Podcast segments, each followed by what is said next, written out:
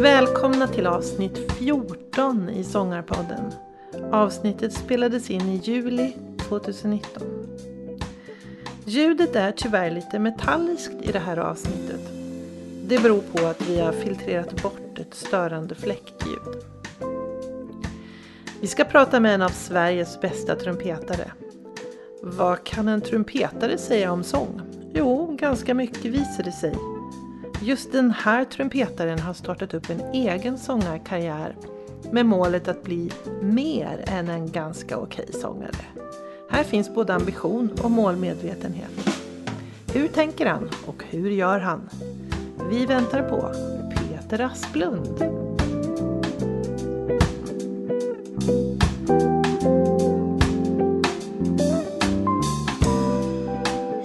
Välkommen till Sångarpodden. Tack! Peter Asplund. Mm. Jätteroligt att du är här. Tack, det är väldigt roligt att vara här också. Ja. Vi sitter inne i en loge här så att det är varken hemma hos mig eller dig men jag säger välkommen i alla fall. Tack! Idag ska vi, du är ju mästartrumpetare men vi ska prata sång idag. Just det. Ja, för det är ju faktiskt så att du är ju inte bara trumpetare utan sångare också. Just det. Dessutom så samarbetar ju du ofta med väldigt duktiga sångare. Mm. Så jag tänkte att det skulle vara kul att prata med dig om allt möjligt när det gäller sång. Vad roligt. Mm. Men allra först då, hur, lite grann om hur det började med musik för dig. Jag vet att du kom från en musikalisk familj. Ja, jag är, det är um, en riktigt musikalisk familj. Eller man säger många. Min farfar var musiker och musiklärare och mina föräldrar och min morbror. Och, och eh, ja, nästan alla i, runt omkring mig har hållit på med musik när jag växte upp och sådär. Så, att det, det har varit um, väldigt mycket musik i familjen. Mm. Så det var nästan ofrånkomligt att jag skulle hålla på med det. Men har du några syskon som valde en annan bana eller var det som hela familjen håller på med musik? Ja, hela familjen. Jag är ensamt barn Ja. och eh, det spelades otroligt mycket musik i hemmet. Min pappa flöjtist, mamma pianist. Eh, utbildade och klassiska men mamma hade också spelat ganska mycket dansorkester och sådär på 60-talet och så. Och sen så, så det lyssnades väldigt mycket på jazzmusik hemma och väldigt mycket klassisk musik och en del sådär svensk underhållning. Povel Ramel och Hasse Tage och. Monica Zetterlund och sådär. Så att, men jazzen var väl det jag fastnade för då. då eh, redan som väldigt liten. Mm. För det är också en sån fråga man undrar, hur blir man, vad är det som gör att man fastnar för en viss genre? Mm. Men då, det kom till dig ganska tidigt alltså? Väldigt tidigt. Jag, det, det presenterades ju för mig när jag var sådär liten och sen så eh, hörde jag Louis Armstrong när jag var i tre, fyra år gammal bara något sånt där. Och det gjorde sånt starkt intryck på mig. Eh, trumpeten framför allt men även sången och garvet och sådär. Hela hans väsen. Det var liksom, ja, ja det var stakade ut för mig vad jag skulle hålla på med. Det är helt fantastiskt, så Mm. tidigt. Ja, ja. För att det är ändå så att det är inte så för alla. En del ramlar in i en viss genre långt senare, de har på med något annat. Men Mm. i ditt fall var det, det, är liksom jazz från start. Ja, ja det var det verkligen. Ja. Eh, och eh, naturligtvis har jag både lyssnat och flörtat med lite olika musikgenrer genom livet och sådär och kommit i kontakt med det som professionell trumpetare också när jag har spelat i olika latinamerikanska band och popband och soul och R&B och sådär naturligtvis. Men en ganska tydlig jazzmusiker ändå kan man väl säga. Det har varit min bana hela livet och varit min utgångspunkt eh, musikaliskt. Beroende också på vad jag har gjort. För annat så har jag blivit inkallad i första hand kanske som just jazzmusiker. Vilket ju har varit väldigt kul. Mm. Ja, det förstår jag. Särskilt om det är din dröm. Annars kan man säga, Ja. ska, du sa salsa till exempel. Det är ju en fantastisk musikstil för just trumpetare. Ja, Det, ja. grymma blåssektioner och mm. insatser. Ja, Jodå, det har ju, där hamnar man ju också eh, storbanden och eh, dansstorbanden och eh, blåssektioner till popgrupper och mm. hela det latinamerikanska mm. sjoket ska vi säga med alla de olika typerna är ju väldigt vanligt med blås. Mm. Där har man ju haft många, många år mm. karriär. Mm. mm. Men det här med sången då. Det, du sa att du inspirerades också av hans sätt att sjunga och, och garvet så att säga. Eh, så när du var liten, kom, kom sången med hela vägen så att säga? Eller var det så att det blev trumpet och sen kom det? Nej men man kan nog säga att sången har varit med hela tiden. Eh, och det är väl därför som det kanske kändes naturligt att börja med det lite mera ordentligt. Eh, men eh, jag har alltid lyssnat väldigt mycket på sångare. Eh, Velat lägga, eh, ligga nära sångarna musikaliskt sett, även med trumpetspelet, att det ska vara sångbart och eh, sådär. Så att det har varit eh, helt naturligt för mig eh, att, att sen, alltså jag tror det är sådär när man är i 40-årsåldern så brukar alla killar få för sig att de ska lägga sig till med någonting. Jag vet inte om det är 40-årskrisen som, som eh, vi, tar sig uttryck på det sättet. Men de, de flesta de köper en kamera och börjar gå en fotokurs eller så går de en matlagningskurs eller så tar de motorcykelkort eller börjar träna hysteriskt på gym eller sådär liksom. Eh, men jag började sjunga istället. Det var, min, det var det jag la mig till med när jag ja, var i 40-årsåldern. Liksom. Så att, ehm, och det kändes helt naturligt. Jag har många, många utav mina artistvänner kan man väl säga har ju alltid tyckt liksom att Peter, du som är verbal och utåtriktad och högljudd på fester och sådär. Alltså ska du alltid stå med slutna ögon eh, gömd bakom en halv meter metall på scenen. Borde inte du på något sätt utnyttja den här utåtriktade sidan som du har? Och jag har naturligtvis liksom pratat mycket med, mellan låtarna och bjudit in folk till min musik. Men genom låtarna när man spelar trumpet och kanske lite modernare och egenskriven musik och sådär så har det ju varit att man, man är ganska instängd, eh, ska vi säga, uttrycksmässigt. Eh, så att det blev en naturlig grej det där att, att börja sjunga. Och... Sen så det som kanske har varit lite problematiskt om man ska ens säga det. Det är väl att eh, jag hade ju ett stort namn redan som trumpetare. Och jag hade vunnit priser och varit eh, i, i, tidningarna och, och, på affischerna runt om som trumpetare. Och, hade skapat mig ett sound och ett eget uttryck och skrivit mycket musik och kanske den musiken, jazzmusiken, även om jag har legat väldigt nära The Great American Songbook så har jag ju också alltid skrivit egen musik och det har varit en blandning av det där och det är ju inte någon hypermodern jazzmusik men det är väl lite mera tillspetsat och lite mera eh, tillskruvat än, än låtarna från tidiga 1900-talet. Eh, men när jag börjar sjunga sen så kommer, är det ju en klart mycket tydligare traditionell typ av eh, jazzsång som kommer ifrån crooners och jazzsångarna. Och det är naturligtvis rakt nedstigande från Armstrong men, men eh, Frank Sinatra och Mel Tormé och de stora crooners sådär. Så att uttrycket, sånguttrycket är kanske lite mer traditionellt och swingigt om man jämför med trumpetspelet som har varit mera eget om man säger så. Då. Vad intressant. Mm. Det blir ett annat uttryck för att du sjunger. Ja, lite grann är det ju så. Det är klart att, att jag skulle ju kunna börja skriva egna låtar och med texter och sådär för att närma mig trumpetspelet eh, vad gäller sången då. då. Och det är mycket möjligt att det kommer, så kan man ju tänka sig. Det, jag har ju en ganska lång bit att gå för att komma ikapp trumpetspelet och det tror jag kanske aldrig att jag kommer att göra, men det är inte meningen heller jag har fasligt kul med min sång. Eh, och det, det, är det viktigaste, att jag, att jag tycker det är kul att hålla på med det och att jag känner att det kommer inifrån hjärtat, det jag vill, det jag vill göra. Mm. Eh, så att, så att eh, vi får se, jag ser det inte som ett problem. Jag, det, jag eh, är ju uppvuxen väldigt mycket med entertainment-traditionen också. Det har varit lika naturligt för mig att lyssna på, på Miles och, och modern jazz och, och ska vi säga hela jazz, eh, jazz, jazzdelen så att mm. säga med stora namnen och även europeiska ICM-jazzen och sådär. Samtidigt har det varit helt naturligt att, att följa liksom Frank Sinatras eller Judy Garlands eller Gene Kelly och Fred Astairs karriärer och tittat mycket på det och levt i den där världen också. Och jag har väl någonstans senaste åren då försökt få de här två världarna att samspela naturligt på en scen och jag tror inte att det kanske är så många som har gjort det tidigare.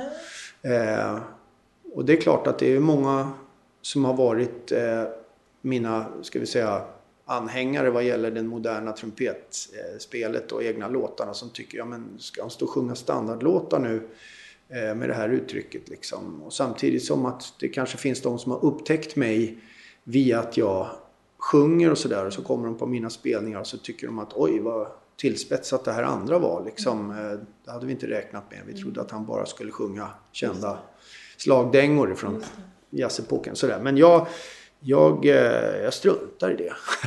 Jag tycker jag har jättekul med det jag gör och jag, jag hävdar att, att det faktiskt går att få ihop de här två sakerna. Och jag tycker när man har gått och sett en, en act med mig eh, under en kväll att man kanske lite tydligare när man går hem förstår vad jag har tänkt att jag vill göra. Det är lite kul tycker jag att presentera något konstnärligt i ett mera eh, underhållande sken. Mm, det. Det, det. behöver inte vara så att det inte...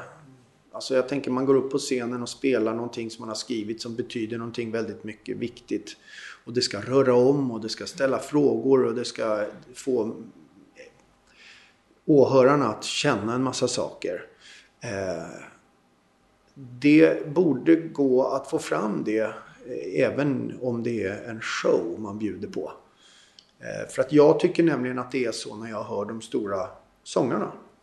Jag lyssnar på Frank Sinatra och han sjunger någonting svängigt utåtriktat men i nästa stund så sjunger han någonting otroligt gripande. Och tittar man på de som, som är de stora textberättarna genom den här epoken, Billie Holiday och Judy Garland. Det är ju skakande versioner av enormt stora låtar och välkomponerade och fantastiskt poetiska texter. Som för mig åtminstone både ställer frågor och rör om känslomässigt. Mm. Men det är alltid i något slags underhållande sken. Mm. Sådär. Det är alltid en show de bjuder på eller något sånt där. Det behöver inte vara så långt ifrån tycker jag. Att det finns en introvert sorts jazz. Det kan man ju uppleva ibland som amatör eller åskådare.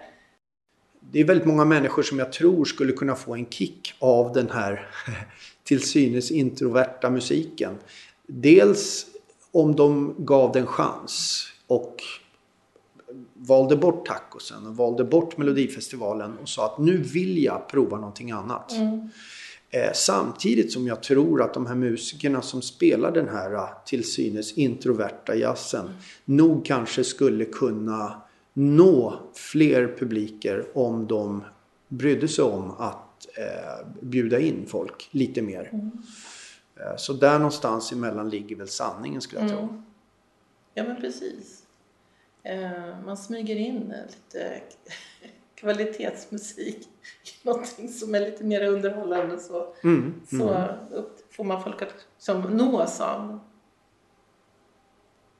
Jag var lite nyfiken på, du sa att när du började, när du blev 40 då, 40-årskrisen mm. blev då, mm. mynnade ut i att du började sjunga. Men du är en ganska, jag vad jag förstår, strukturerad och noggrann person när det gäller ditt trumpetspel mm. särskilt. Mm. Ja. Eh, du har liksom metoder för hur du övar och så vidare. Mm. Hur gick det här till då? Och gjorde du på samma sätt?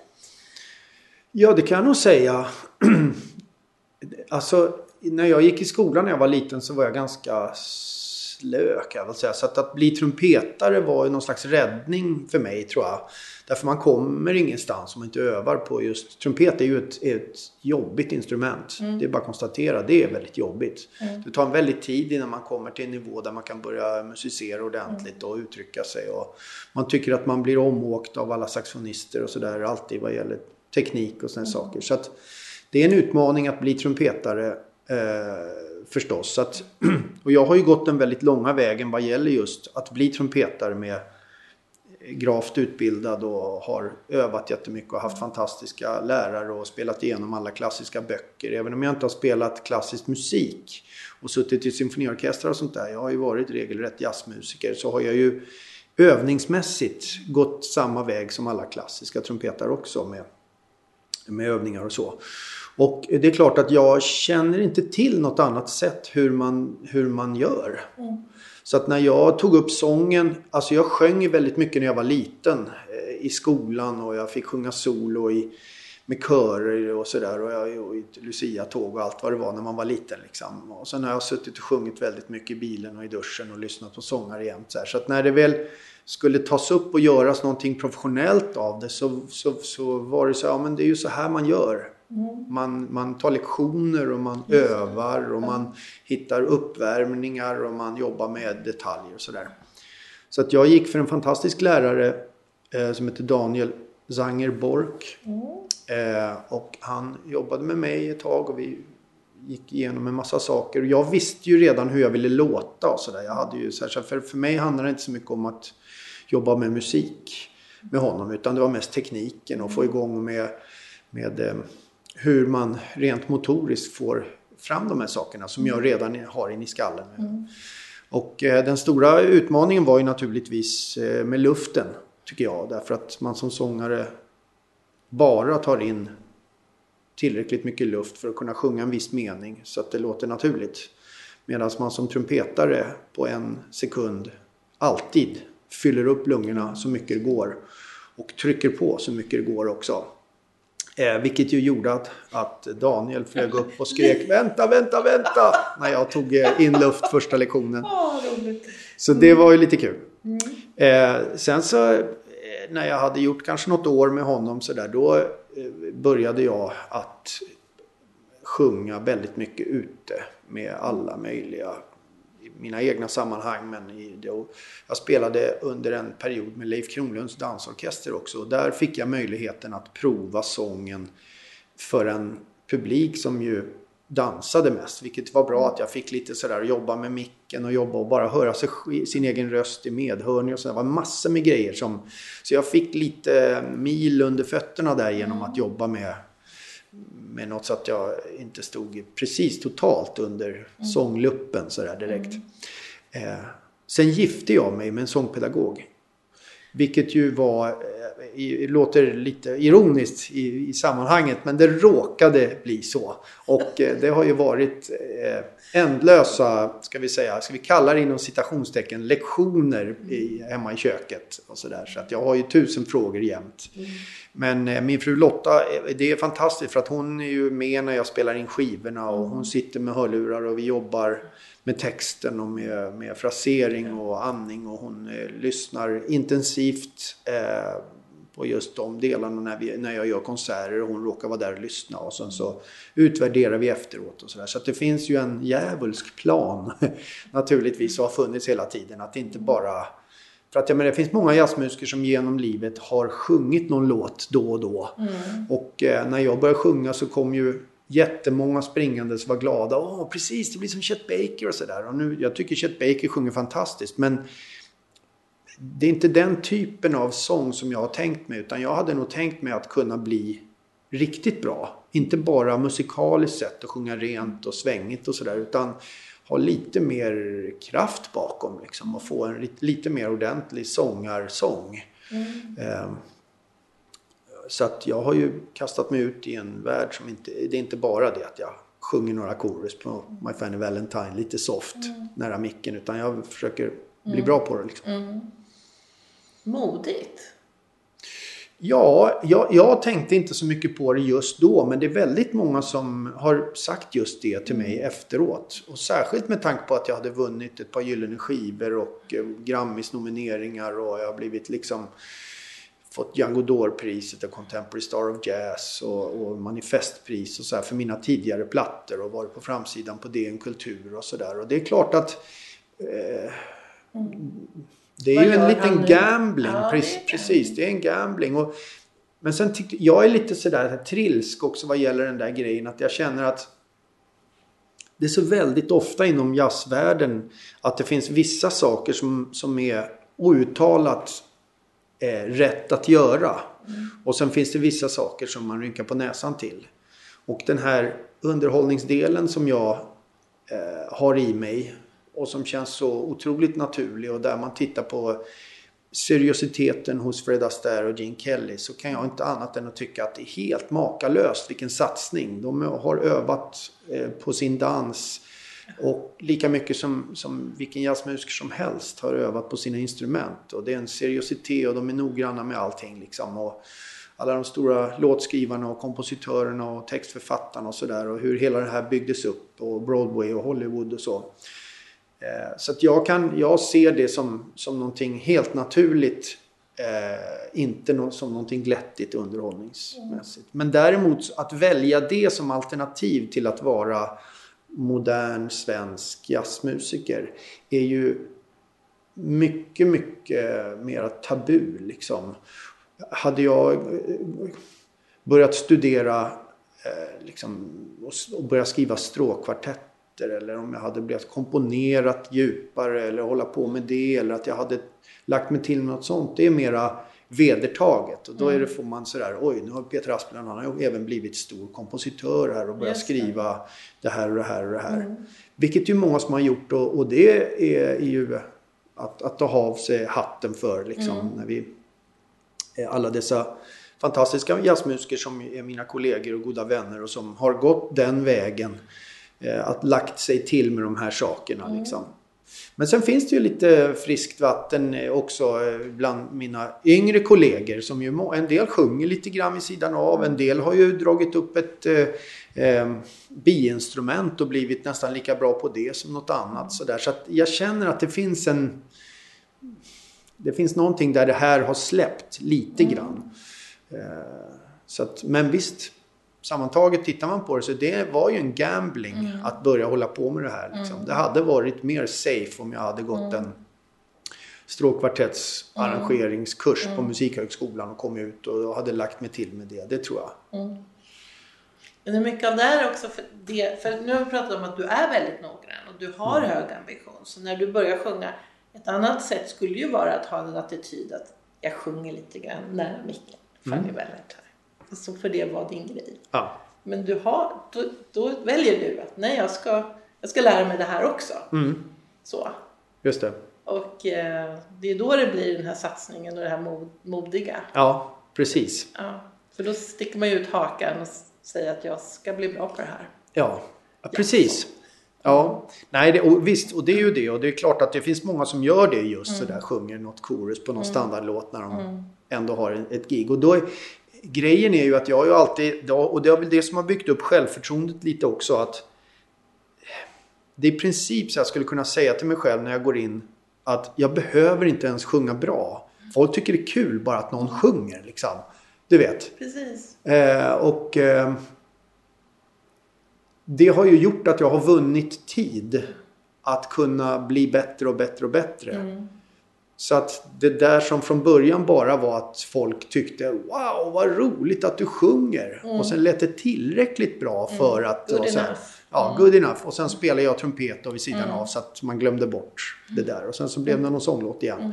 Under alla de där åren kan jag väl säga som jag har fått jobba med sången både på hemmaplan och i köket och, och sen samtidigt på scen. Mm. Har ju gjort att jag har väldigt mycket snabbare eh, kommit eh, lite längre än jag kanske ja. skulle ha gjort. Just det, förutsättningen att, eh, ja, förutsättningen att, att redan utrullade. Liksom. Ja, precis. Ja. Så att jag kastades ju in och det är ju, grejen är ju att det finns inte så många manliga jazzsångare i Sverige. Och, och eh, det är ju lite olika typer av jazzsång som vi har också. Jag ser lite skillnad på det. det vi har några bra crooners som det vill säga är det är jazzsång fast mera populärsång från mm. tidiga år. Det. Ja, så det, det, det, de är ju ganska nära varandra. De har samma, de har besläktade ingredienser vad gäller soundet och vibratot och timing och sådär. Men, men som är lite mera popsångare från den tiden mm. så att säga. Och sen har vi några blues shouters som är väldigt bluesmättade. Och sen så eh, finns det ju en uppsjö av de som jag tycker i ett visst perspektiv kanske snarare sjunger pop eller soul fast mm. de sjunger jazzlåtar. Men mm. de sjunger det på ett poppigt eller souligt sätt. Och det är inte riktigt jazzsång för mig. Mm. Eh, och sen finns det Svante Thuresson på något sätt som sjunger ja, jag vet inte, i den där Mel Tormé-traditionen mm. med regelrätt jazz. Han scat sjunger och han sjunger med en... Han kan sjunga snabba låtar och svängigt och mm. det är liksom... Ja, på något sätt. Och i den genren där, Svante-spåret kan jag väl säga, Mel Tormé-spåret, där finns det ju nästan inga. Mm. Så där hade jag ju ett hål att fylla eller åtminstone mm. en, en tradition att kliva in i. Och det gjorde ju också att det gick väldigt fort. Mm. Jag fick ju redan under de första två åren sjunga duett med alla utav våra största svenska jazzsångerskor. Vilket ju är en lektion som heter duga liksom, ja. för en som vill börja sjunga. Mm. Så det var ju bara... Herregud. Ja, visst. Det är mäktigt egentligen. Väldigt mäktigt. Mm. Och då kan vi ju lista några av dem. För du, du spelar ju du med sådana som jag tycker är... Jag skrev faktiskt upp dem här på en lapp här för att komma ihåg alla och inte glömma. Mm. Jag kanske glömmer någon ändå. Men bland annat, jag har ju sett dig med Vivian Busek. Ja, just det. Fantastisk. Ja. ja grymt helt enkelt. Rigmor Gustafsson också. Mm. Isabella Lundgren. Du, på en julskiva hade du med Margareta Bengtsson också. Mm. Har ni spelat mycket tillsammans? Ja, det har vi ja. gjort. Mycket sen tidigare också. Hon mm. har ju mm. varit uppe under med Real Group Just i alla det. år. Men när hon eh, slutade där och satsade på sin egen karriär mm. så började spela in egna skivor och så. Då var jag med i det mm. gänget. Och vi har ju känt varandra sedan vi var i tonåren också. Ja. Så, att, eh, så att jag känner henne sedan, sedan väldigt gammalt. Och, eh, min pappa gick i skolan tillsammans med hennes föräldrar. Så det finns en jättelång ja. lång, lång kontakt med Bengtsson-familjen. Ja. Nej men alltså det första jobbet som jag fick där det var pianisten Claes Krona som ringde mig och frågade om jag kunde vicka två jobb för Svante just. Mm. Eh, med Victoria Tolstoy som jag ju också har spelat med sedan hon kom fram i mitten på 90-talet. Rigmor har jag ju haft med på mina egna skivor. Jag har ju mm. skrivit en del musik där jag har haft ordlös sång med och sådär mm. liksom som mm. ett instrument och några låtar med text och då har det varit Rigmor på några skivor. Så även henne har jag ju fått möjligheten att, att sjunga nu mer då. Sen eh, Vivian Buschek och Isabella Lundgren, det är de två som jag jobbar mest med så att säga. Så, eh, Vivian och jag har ju gjort ett par skivor tillsammans. Mm. Eh, och eh, både sjunger och spelar väldigt mycket ihop. Och Isabella är väl den som jag jobbar nästan allra mest med nu. Mm. Vi har verkligen funnit varandra på, på många plan mm. musikaliskt och med, med tradition. Och så, här. så det är Vivian och Isabella där som, mm. som jag jobbar väldigt mycket med. Mm. Jätteroligt. Ja. Ellen, Ellen uh, Andersson också. Ellen Andersson ja. har dykt upp senaste åren då. Det är en fantastisk jazzsångerska. Ja. Jättekul. Och de ringde mig eh, från out of nowhere för några år sedan och frågade, frågade om jag ville komma och gästa som trumpetare mm. på hennes nya skiva. Hon jobbar tillsammans med en gitarrist, eh, Anton, som är fantastiskt bra. Och eh, det var jättekul. Det var roligt för att höra henne första gången. Mm. Och sen har jag liksom tagit med henne på några av mina mm. grejer. Och, eh, jobbar, jag har det här uppdraget av Konserthuset eh, att tillsammans med Magnus Lindgren sätta ihop ett storband två gånger om året och göra mm. konserter. Vi har gjort det i 12 år nu. En, en konsert på våren och en på hösten. Och där har vi då gjort olika projekt och de här sångerskorna har ju fått vara med mm. eh, genom åren allihopa mm. förstås. Mm. Så att, eh, sen gör jag mina jag har ett forum kan man väl säga. Jag jobbar ju mest med trio, då, piano, bas och trummor. Och, och, eh, men ibland så sätter jag ihop ett eget storband och gör något som jag kallar för Peter Asplund Big Band Show. Och där är ju lite kul, eh, för där, där får jag iscensätta hela den här grejen. Mm.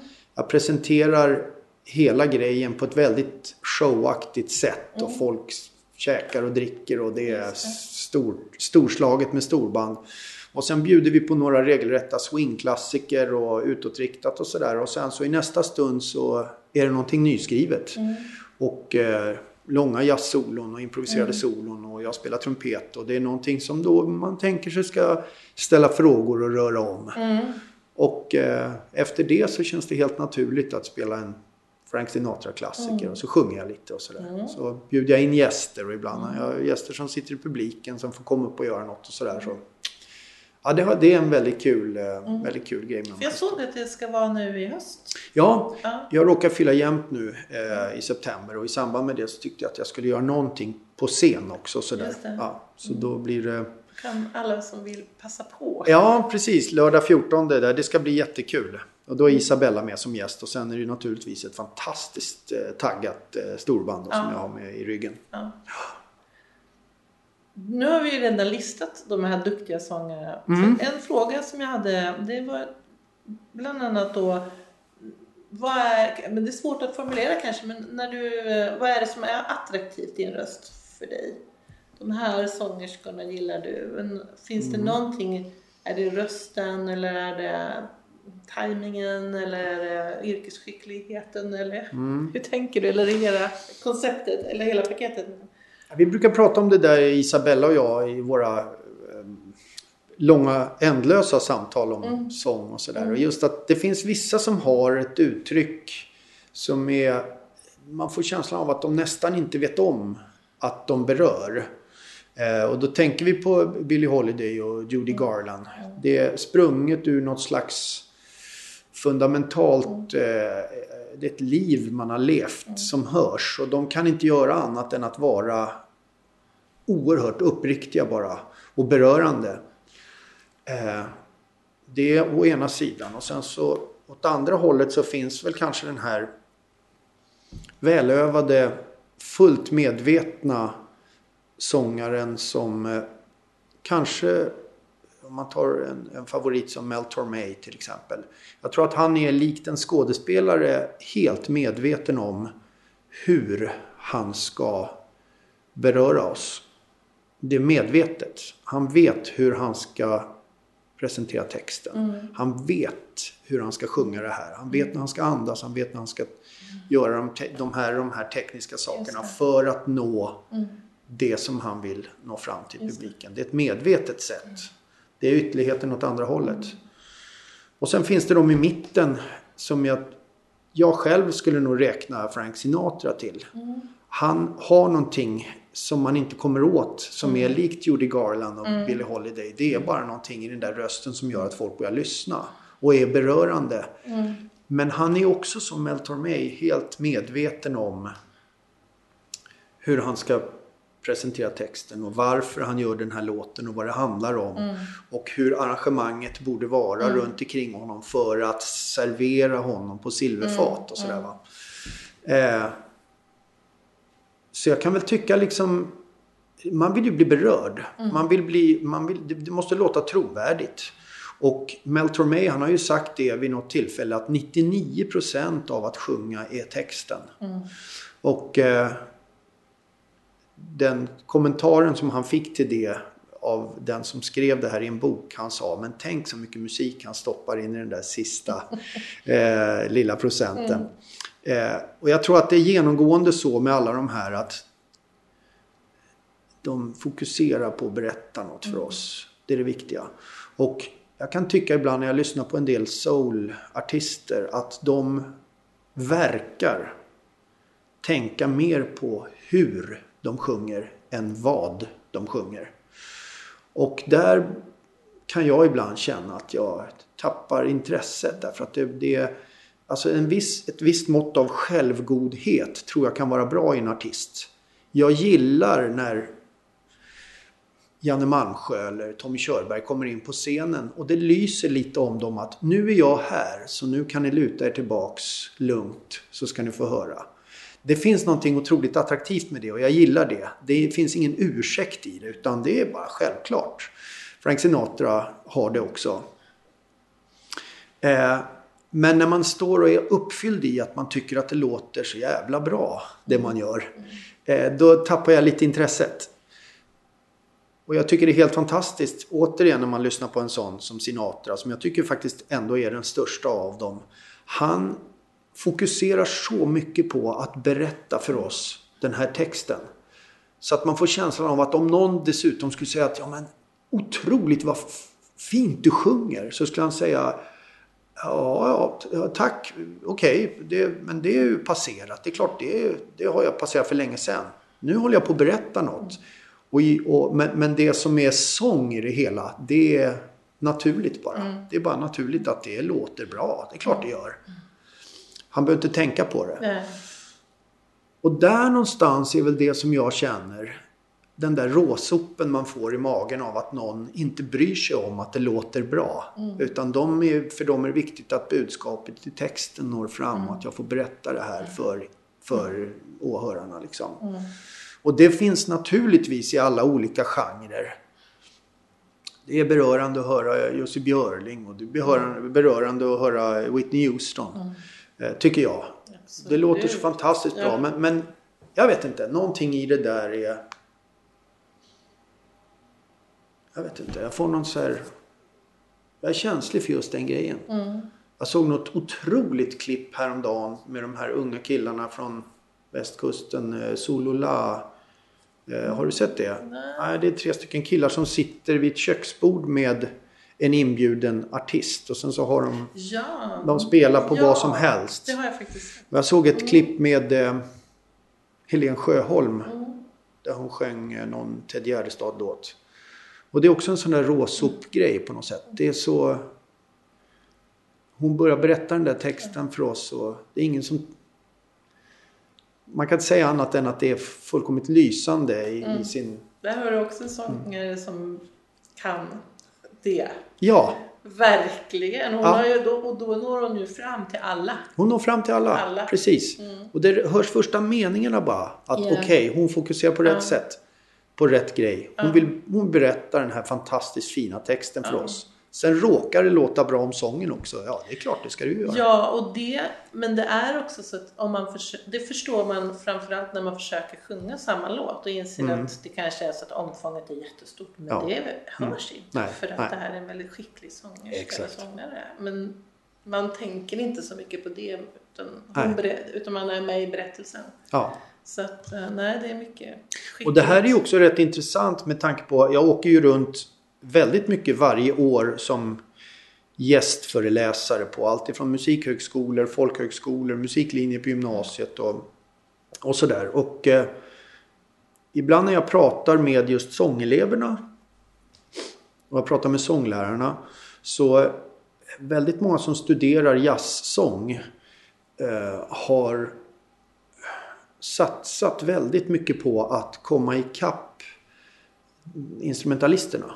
Man har lärt sig skalor och ackord och man improviserar över svåra låtar och massa sådana här saker. Och jag brukar alltid säga, ja, men hur jobbar ni med den här grejen som handlar om teater då liksom? Ni ska ställa er och sjunga My Fanny Valentine. Det är jättebra att du kan sjunga ett improviserat solo på alla de ackorden. Men hur har ni jobbat med texten? Och vid några tillfällen när det står någon och sjunger där framme bland eleverna så säger jag, vad handlar den här låten om? Och de blir helt ställda. Och där har jag då märkt att det verkar eftersatt. Hela det paketet som handlar om teater. Man säger att, att presentera en text. Prata om vad det handlar om. Det vad är det för känslor som Ja. ska fram i det här? Därför att det verkar som att man har satsat väldigt mycket på att sångarna ska komma ikapp. Men instrumentalisterna. det var ju intressant för att ehm, det är ju det som skiljer så att vara sångare mot att vara instrumentalist. Man Exakt. ligger på den här enorma... Liksom, menar, först måste du ju också kunna... Ja men det är ju egentligen så. Du ska ju kunna Mm. det en instrumentalist kan och du ska ha en röst som är i trim men sen ska du nå bortom det. Mm. Ja, För det lägger du på den här berättan, exakt. berättelsen. Och, Mm. eh, så det är ju ganska komplext. Men eh, ja, det var ju sorgligt att höra. Ja, det, det är min lilla erfarenhet i alla fall efter att ha åkt runt nu. Mm. Och det är naturligtvis inte hundraprocentigt så. Men Mm. alldeles för ofta så tycker jag att det handlar om det här. Mm. Och eh, vad det beror på det vet jag inte riktigt. Men det är, kanske det ligger någonting i det där vi pratade om tidigare med att det, det är en högre status att, att kunna komponera och improvisera och kunna svåra låtar och ackord än att ägna sig åt den här Ja, och så kanske det finns någon sorts, ja men man är bara sångare, man kan Mm. ingenting. Och då måste man, finns det en känsla av att man måste bevisa. Jag exakt, kan oh ja. minsann. Precis så. Och kan du inte det då blir du inte respekterad. Nej. Så du måste upp på den där banan. Ja. Kunna de där skalorna. Och där är ju också förlängningen kan man ju verkligen tänka sig att varför har det blivit så? Och där får man väl då ta på sig det eh, som instrumentalist att, alltså jag har ju alltid varit välvilligt inställd till sångare och sångerskor. Jag vill att de är med. Jag har haft det i mitt band. Jag jobbar nästan bara med sångerskor nu för tiden. Eh, med, även med min egen musik och sådär. Så att för mig har det varit naturligt. Men jag vet ju att många sångare har tyckt att det varit tråkigt för att när det är jam sessions och olika saker så har de inte blivit inbjudna. Och de har fått väldigt mycket tråkiga kommentarer när det är instrumentalister som vill breda ut sig istället och tycka att äh, ska vi stå här och sjunga och sådär. Och det är klart att för att få vara med och leka mm. så blir man då eh, bra på det som instrumentalisterna mm. kan och man kan hävda sig i det. Liksom. Det. Men eh, jag vet inte, jag tycker lite synd ibland att man tappar den grejen. Jag tycker att många utav sångarna kanske på skolorna runt om skulle behöva träffa en regissör eller mm. träffa någon som jobbar med text. Mm. Någon som håller på med teater. Och som struntar i om de kan mm. sjunga en ters mm. på, på ett ackord eller veta vad det ena eller andra är. Utan helt enkelt bara jobbar med texten och, ja. och att presentera det. Och jag, de jag tänker de största jazzsångarna, om man nu pratar i jazzsångarperspektiv, som jag tycker Mel Tormé, Ella Fitzgerald, mm. de skattsjöng, de dansade över de här ackorden och allting sånt där. Men när det var dags för att presentera texten så var ju det minst lika bra som mm. vilken sångare som helst som bara sjöng text. Så dit vill man ju naturligtvis någonstans att kunna göra både och. Men då tänkte jag på det för att så, eftersom du har din bakgrund som trumpeter att komma till ett liksom, så att säga väldigt bra skattparti mm. måste vara en ganska lågt hängande frukt för dig ändå. Absolut. Jämfört med de som kommer från ett annat håll. Då, Verkligen. Mm. Då får man kämpa med vilka ljud ska man ha och ja. hur ska det gå. Då kan så där är ju en enorm fördel. Verkligen. Ja. Verkligen. Mm. Och det är klart att för mig handlar det bara, inom citationstecken, bara om att få maskineriet att funka. Mm. Därför alla fraser och, och eh, timing och allt det där, det har ju jag redan i skallen. Jag vet precis hur jag vill att det ska mm. låta och vad jag har tänkt göra. Så jag måste bara få musklerna att göra, kunna utföra det som jag tänker. Mm. Eh, så det har ju varit utmaningen för mig med att bli skattsångare. Ja, just det. Ja, precis. Mm. Men sen, och sen har man det där andra med texten och leveransen och berättelsen. Mm. Men det är också en sak som jag har tänkt på i en ensemble så står sångaren och förmedlar texten men de andra vet inte vad det handlar om. Det är ju en annan problematik. Ja, verkligen. Så när man, när man har då ett väldigt sorglig historia som det ju ofta är mm. så kommer det ett väldigt ett glatt eh, glädjefyllt, lite rappare soloparti efteråt som mm. gör att hela låten faller. Ja.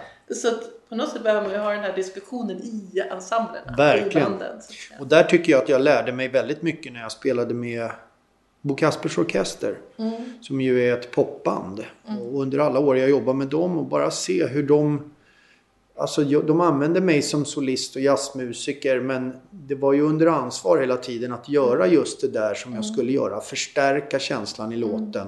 Sätta den där sista pricken över it runt omkring en känsla. Just det. Eh, och det är precis som du säger, det går inte att gå in och, och, och spruta på ett bebop-solo i en, i en känslig... Man kan göra det men det är precis det som... Ja. Det, det, har ingenting med varandra att göra. Ja. Och det, och det man blir väldigt ödmjuk inför ja. just den grejen. Ja. Hur, hur är låtarna skrivna? Vad är tanken? Jag, måste, jag, jag drar en rolig historia. För mm. När jag började ta sånglektioner, så eh, på min första lektion, så, så, så fick jag följande respons från pedagogen och sa Ja, det råder ju ingen tvekan om att du är musikalisk och du sjunger ju bra ifall du hade varit en klarinett. att jag hade liksom inget uttryck alls. Jag var liksom Nej.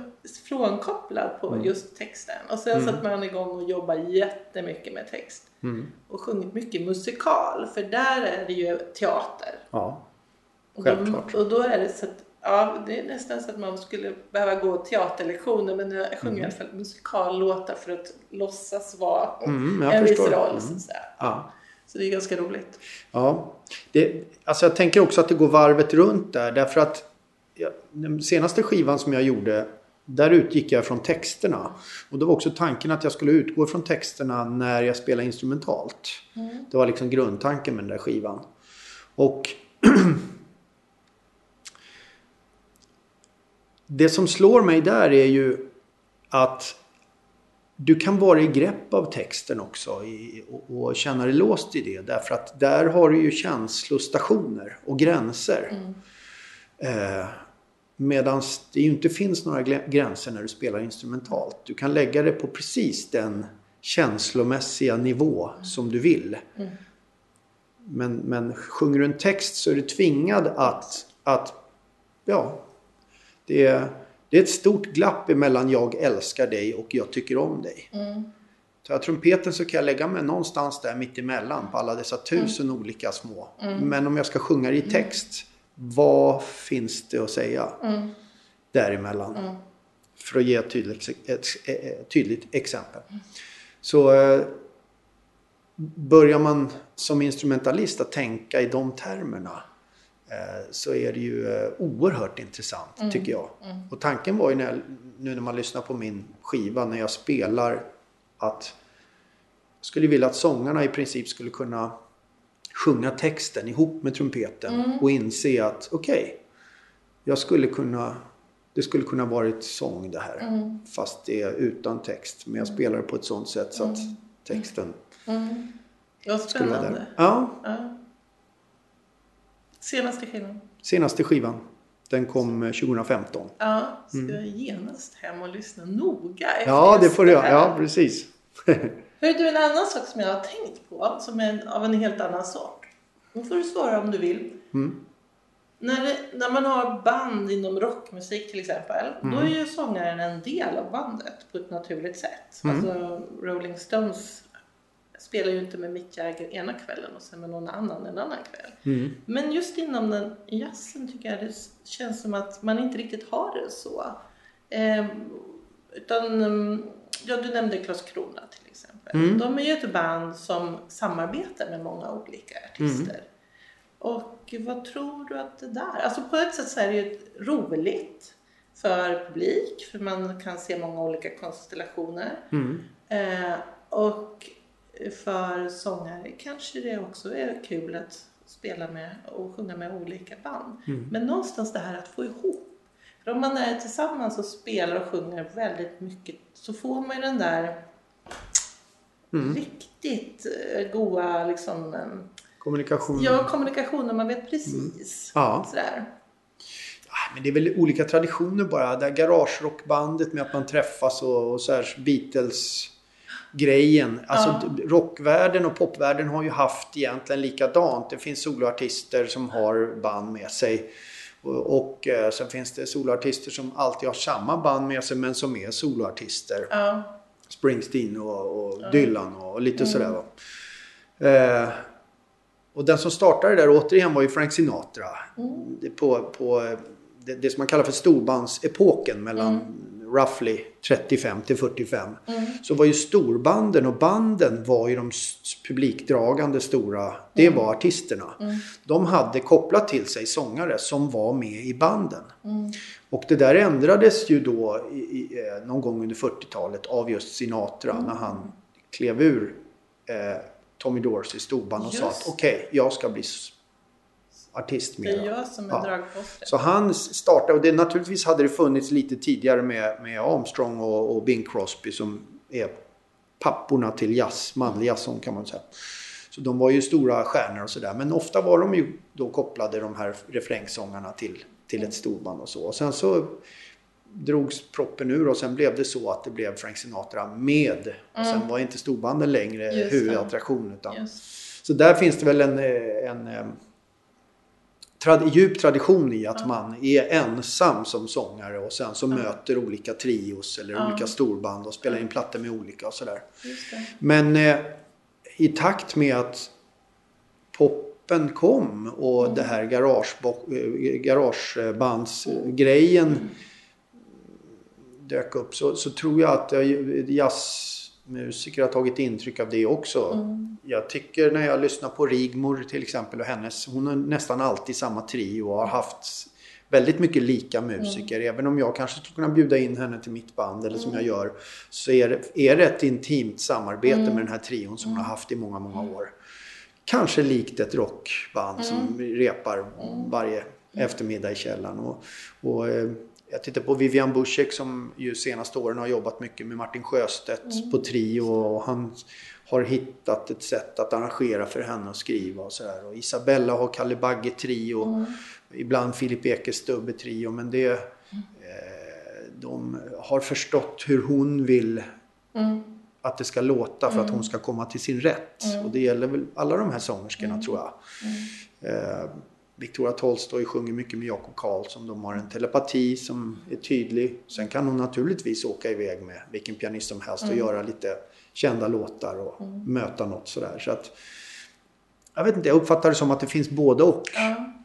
Och jazzen har ju haft väldigt mycket. Det är någonting i mötet med någonting nytt. Mm. Som, där man då delar samma repertoar. Ja. Om det är den amerikanska sångboken som är den kanske ligger närmast till hands. Mm. Alla kan alla låtar och, och, och, därför är det lätt att liksom musikaliskt sett konversera med vem som helst i hela mm. världen. Mm. Alla kan My Funny Valentine. Mm. Så det, man kan åka till Indien eller var som helst och bara mm. träffa jazzmusiker så kan vi spela den där ligger ju en tjusning att kunna mötas och ibland så blir det ett otroligt fruktbart möte. Mm. Har man tur är det någon som har spelat in det så kan det bli en skiva. Mm. Eh, men ibland kan det också bli så att äh, vi pratar inget bra, det blev inget bra samtal. Liksom. Mm. Samtidigt som att man då kan höra en oerhört välrepeterad grupp som ja. har hållit på i hela livet tillsammans eller många, många år. Och så, så att, jag slogs mm. av det för att på väldigt, väldigt många år sedan så var jag hemma hos Ernesto Pascual i Rio. Mm. Rio. Mm. Och eh, den, det bandet som ju också spelar jazz väldigt, de repar ju sex dagar i veckan. Ja. Ungefär fem, sex timmar. Mm. Annars får man inte vara med. Nej. man ut. Ja. och då är det ju, nu har de ju ingen sångare med, men alltså de, det blir ju eh, på gott och ont. Ja. Alltså, där blir det en ex ekvilibrism. Men då tappar man ju bort det här eh, som du pratar om att man möter något nytt. Ja. Utan där är det ju för att så att säga uppnå så mycket ekvilibrism som det bara går ja. tillsammans. Ja. Så det är ju ett helt annat sätt att jobba så att säga. Men det var bara spännande. Liksom. Jaha, de gör så. Liksom. Ja. Nej, men det är ju väldigt olika. Jag har ju alltid samma trummis och samma basist eller ja. My First Call kan man säga ja. som mina som bröder till mig och som jag tycker passar mig både socialt och musikaliskt. Ja. Johan Löfkrans och Hans Andersson. Jag spelar ju med dem i alla sammanhang och de är med alltifrån komp till storbandet till mm. om vi bara spelar på trio, bara vi tre. Mm. Ofta med en pianist då till sådär. Och man väljer de musiker som man tycker har det uttrycket som mm. man vill åt. Mm. Men också är det ju så jag brukar jämföra det med att man, att man bjuder in ett gäng och sitter och käkar middag. Det är ju väldigt roligt när man sitter där och, och, och äter och dricker vin och pratar med varandra. Att de man sitter runt omkring med där, samtalet blir intressant. Mm. Det, det, är ju inte meningen att jag ska sitta där och bara hålla hov och de mm. garva vid rätt tillfälle. Utan liksom, man vill ju att alla ska lägga in sin mm. del i det hela så att det mm. blir ett samtal som flyter på. Och eh, om man då ytterligare drar en jämförelse med att vi, vad är det vi pratar om? Ja, ofta så pratar vi om traditionella ämnen. Arbete, eh, karriär, livet, kärlek, eh, problem med allt det där. Mm. Så som alla andra pratar om när de sitter på middagar, familj och så vidare. Översätt alla de här väl beprövade Eh, ämnena till väl beprövade låtar som man då samsas kring och spelar mm. och har ett samtal kring My mm. Fanny Valentine. Så för mig är det ju viktigt att de som jag ska spela My Fanny Valentine med eller sitta och äta en middag med och prata om förhållanden mm. har någonting vettigt att komma med. Mm. Och ställer jobbiga och bra frågor eller kommer med någon ny infallsvinkel på det här och så. Mm. Så har jag alltid sett att jag, jag vill inte bara ha några som säger det där som jag har hört mm. i hela mitt liv vid middagen. Det, det, är ointressant att sparka upp öppna dörrar. Både vid en middag men på en scen när man mm. spelar en, gam, gammal klassisk låt. Mm. Så, så där har jag funnit min ska vi säga, inkörsport till hur jag vill att mitt band ska låta. Mm. Och inkörsport till hur jag vill att de musiker som jag väljer att spela med ska vara. Mm. Det är den här eh, vitala mm. Det bygger på en otrolig erfarenhet av livet och bygger på en otrolig kunskap om de traditionella ämnena att prata om. Mm. mm. Men jag vet alltid att det kommer komma någonting som gör att oj, det där har jag inte tänkt på. Och där i ligger väl då spänningen och det improvisatoriska momentet att folk är lite jobbiga också. Vad fint eh, formulerat. Jag har alltid undrat över eh, jazzgenrens behov av att alla ska kunna alla låtar. Mm. Men om det är som ämnen mm. vid ett middagsbord. Mm. Så det var en väldigt fin liknelse. Ja, och då gäller det ju naturligtvis den typen av repertoar då som ligger mig väldigt mm. varmt om hjärtat. The, The Great American Songbook. Mm. Eh, och jazz standard kan man väl säga som är, även de som är skrivna av jazzmusiker då. Mm. Men eh, jag tänker också att ibland så är det man spelar väldigt ofta om jag har skrivit som jag ska göra nästa skiva nu blir med bara min musik. Mm. Och det är klart att den väl, vill ju jag att de här musikerna som jag alltid spelar med, jag vill ju att de ska ta i den här musiken. Och jag vill mm. att de ska ta i musiken på precis samma sätt som de tar i My Final Valentine. Mm. Eh, så att där handlar det ju bara om att man ska spela den så mycket som möjligt och repa den så mycket som möjligt. Eh, så att den blir lika familjär som My Final Valentine. Ja. Eh, och det ju, kan ju ta en viss tid. Det. Men det tar inte lika lång tid Därför att det är ju musiker som har spelat min musik tidigare. Så ja. de känner ju igen sig ja. och vet vad jag är ute efter. Ja. Så även om det är en helt ny låt mm. så är det Peter Asplunds värld. Mm. Så skulle jag träffa en helt ny trio och gå in. Då skulle jag vara väldigt noggrann med att välja några som jag visste skulle förstå vad jag är ute efter. Uh, och där blir Kommer kanske... du att sjunga här nu? På plattan? Ja. ja. Alltså den förra skivan var ju tanken att det skulle vara lite mer sång. Mm. Eh, jag gjorde... Den första sångplattan var ju julskivan. Mm. Och jag tänkte det är bra för att det är så udda i sig mm. att göra en julskiva. Mm. Så att där är nog ett lämpligt tillfälle att presentera sången tyckte mm. jag. Mm. Eh, och sen så nästa skiva som kom då, eh, Aspiration Home Safe and Sound som den hette den förra. Där är det hälften sång och hälften trumpet. Mm. Och det var också min tanke där att nu ska vi göra, inte egen musik, utan vi ska göra udda låtar, mm. standardlåtar. Mm. Mm. Och jag fokuserade på en textförfattare som heter Gene Lees som jag tycker väldigt mycket om och som har skrivit fantastiska grejer. Och jag hade något skattnummer mm. och sådär. Och det, här, det var det första försöket att få den här tänkta Asplundska världen att, att låta organisk. Mm. Det är modernt trumpetnummer och sen kommer ett sångnummer och sen kommer lite skattsång och sen plötsligt kommer en klassisk Asplund soul trumpetballad och så här. Och man lyssnar på det nu efteråt, funkar det här liksom? Går det ihop? Är det mm. okej okay, liksom? Eh, så det var det steget. steget. Nu, nu är tanken att jag ska göra en, en platta under hösten här med bara egen musik. Och där är det kanske så att jag kommer vara lite mer försiktig vad gäller sången. Men naturligtvis ska det vara sång. Jag har mm. skrivit ett nummer som Isabella ska vara med och sjunga. Och jag har också skrivit en låt som jag håller på att få textsatt som jag själv ska mm. sjunga. Mm. Eh, så det blir nästa, det tredje steget i det här med att få in sången i det hela. Hur kommer det låta när jag sjunger någonting som någon eh, aldrig har hört tidigare? Mm. Spännande! Mm. Mm. Om du drömmer framåt, hur, eh, vart är du på väg? Ja, det du, finns du har gjort jazz vocal med, uh, ni har en grupp Ja just det, Svante Turesson och, satt ihop eh, med Victoria och William. Ja, ja, jättekul. Ja, det är kul. Alltså det är ju, vi lever ju i, ett, i världens största körland. Mm. Och där människor är extremt bra på att sjunga kör. Och vi har mm. vokalgrupper, Real Group i första hand men mm. även Stockholm Voices och Vocation och alla de här mm. som har kommit som är mm. oerhört bra på att blända och sjunga i stämmer. Vi fyra är ju, vi är ju fyra solister. Det är ju som att försöka få fyra tegelstenar. Att, att, alltså det, går, det är jättesvårt. Mm. Så vi kan ju egentligen inte det här med att sjunga stämmer. Men däremot våran lilla act, om man mm. jämför den med andra akter så handlar ju det om att presentera vokaljazz i alla dess olika former. Mm. Och det har visat sig vara en väldigt attraktiv act för folk att gå och titta mm. på. Mm. Vi börjar komma in och sjunger i stämmer. Det låter okej okay, ibland.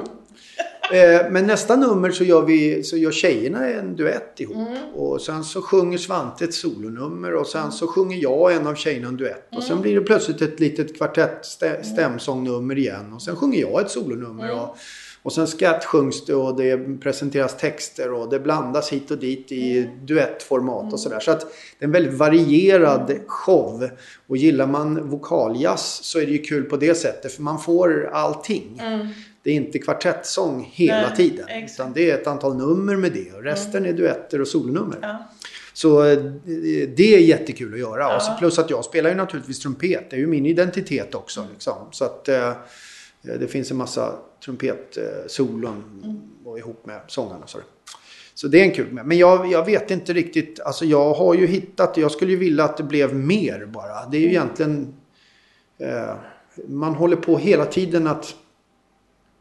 Det finns en yttre och en inre kamp på något sätt. Och den inre kampen den sitter så djupt rotad efter alla år som med övning och, och eh, eh förkovran. Mm.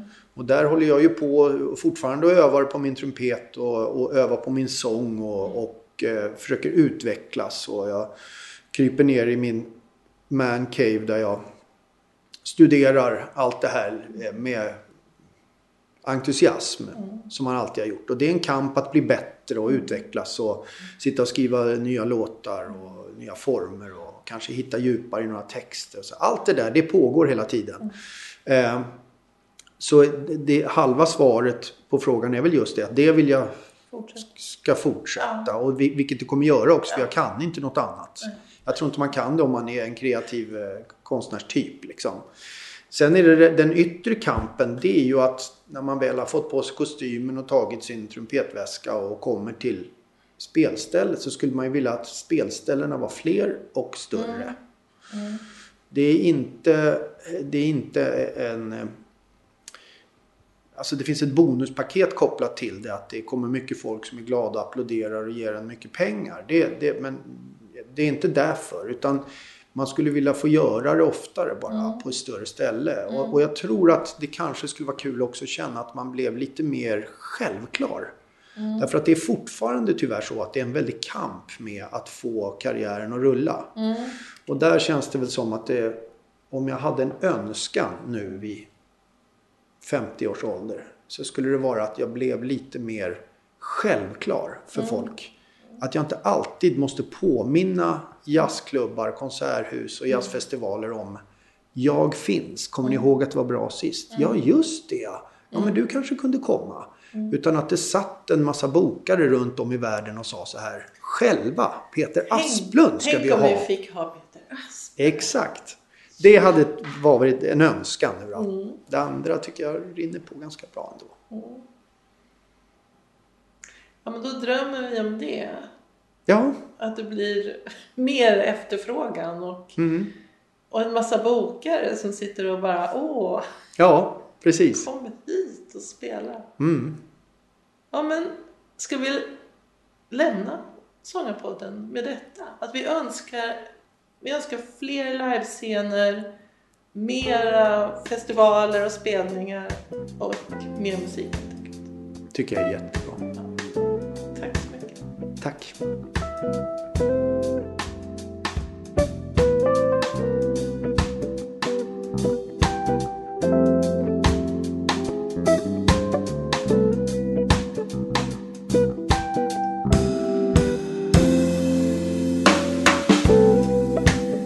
Du har lyssnat på Sångarpodden.